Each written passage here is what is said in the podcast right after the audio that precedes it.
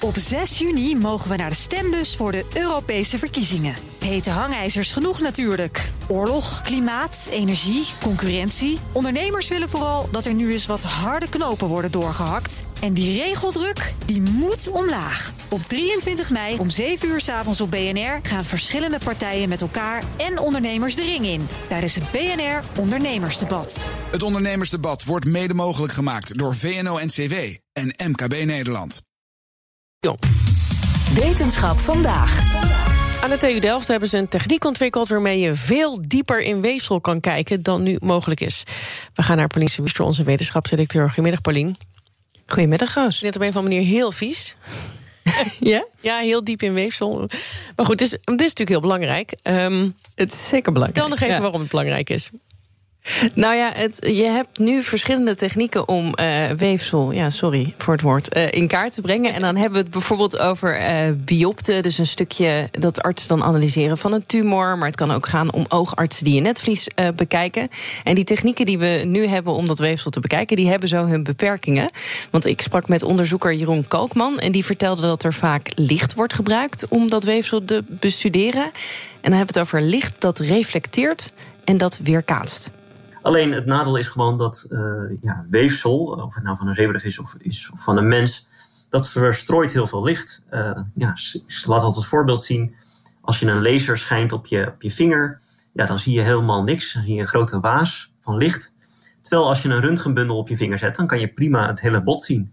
En dat komt gewoon omdat met zichtbaar licht ja, weefsel heel sterk verstrooit. En je eigenlijk daardoor helemaal niet diep in weefsel kan kijken. Ja, hoe diep kunnen we nu kijken dan? Nou, hij zegt al niet diep, en dat klopt wel. Zo'n 1 millimeter diep uh, kan je hiermee komen. En de techniek waar hij aan werkt, die dus niet werkt met dat weerkaatsende licht. Um, hij werkt aan een techniek die licht stuurt door het weefsel. En aan de andere kant wordt dat licht dan weer opgevangen door een sensor. En daar kom je dan dieper mee dat weefsel in. 2010 volgens mij hebben we een aantal experimenten gedaan. Die ook wel aantoonden dat uh, als je ergens doorheen gaat, dat je uh, ja, kwantitatieve informatie kan krijgen. En als je dat analyseert, dat je ook nog eens een keer een aanzienlijk stuk dieper zou moeten kunnen komen.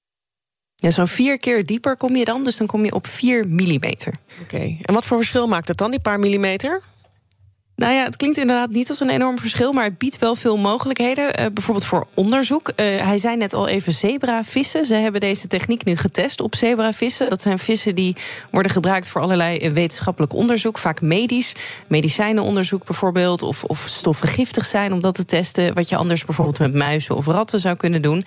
En als je zo'n zebravis bestudeert, dan wil je bijvoorbeeld weten hoe worden de organen aangetast.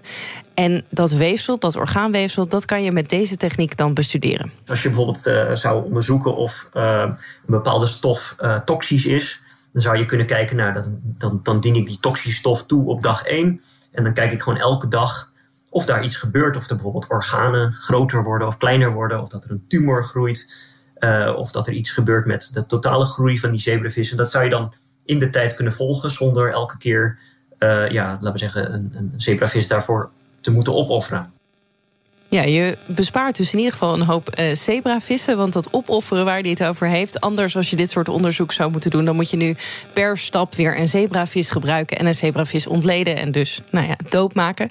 En. Uh, dus dit, uh, in dit soort onderzoek uh, bespaart het. Maar je kan er ook, zoals ik al eerder zei, allerlei weefsel mee bestuderen. Dus dat maakt het analyseren van bijvoorbeeld biopten van tumoren ook makkelijker.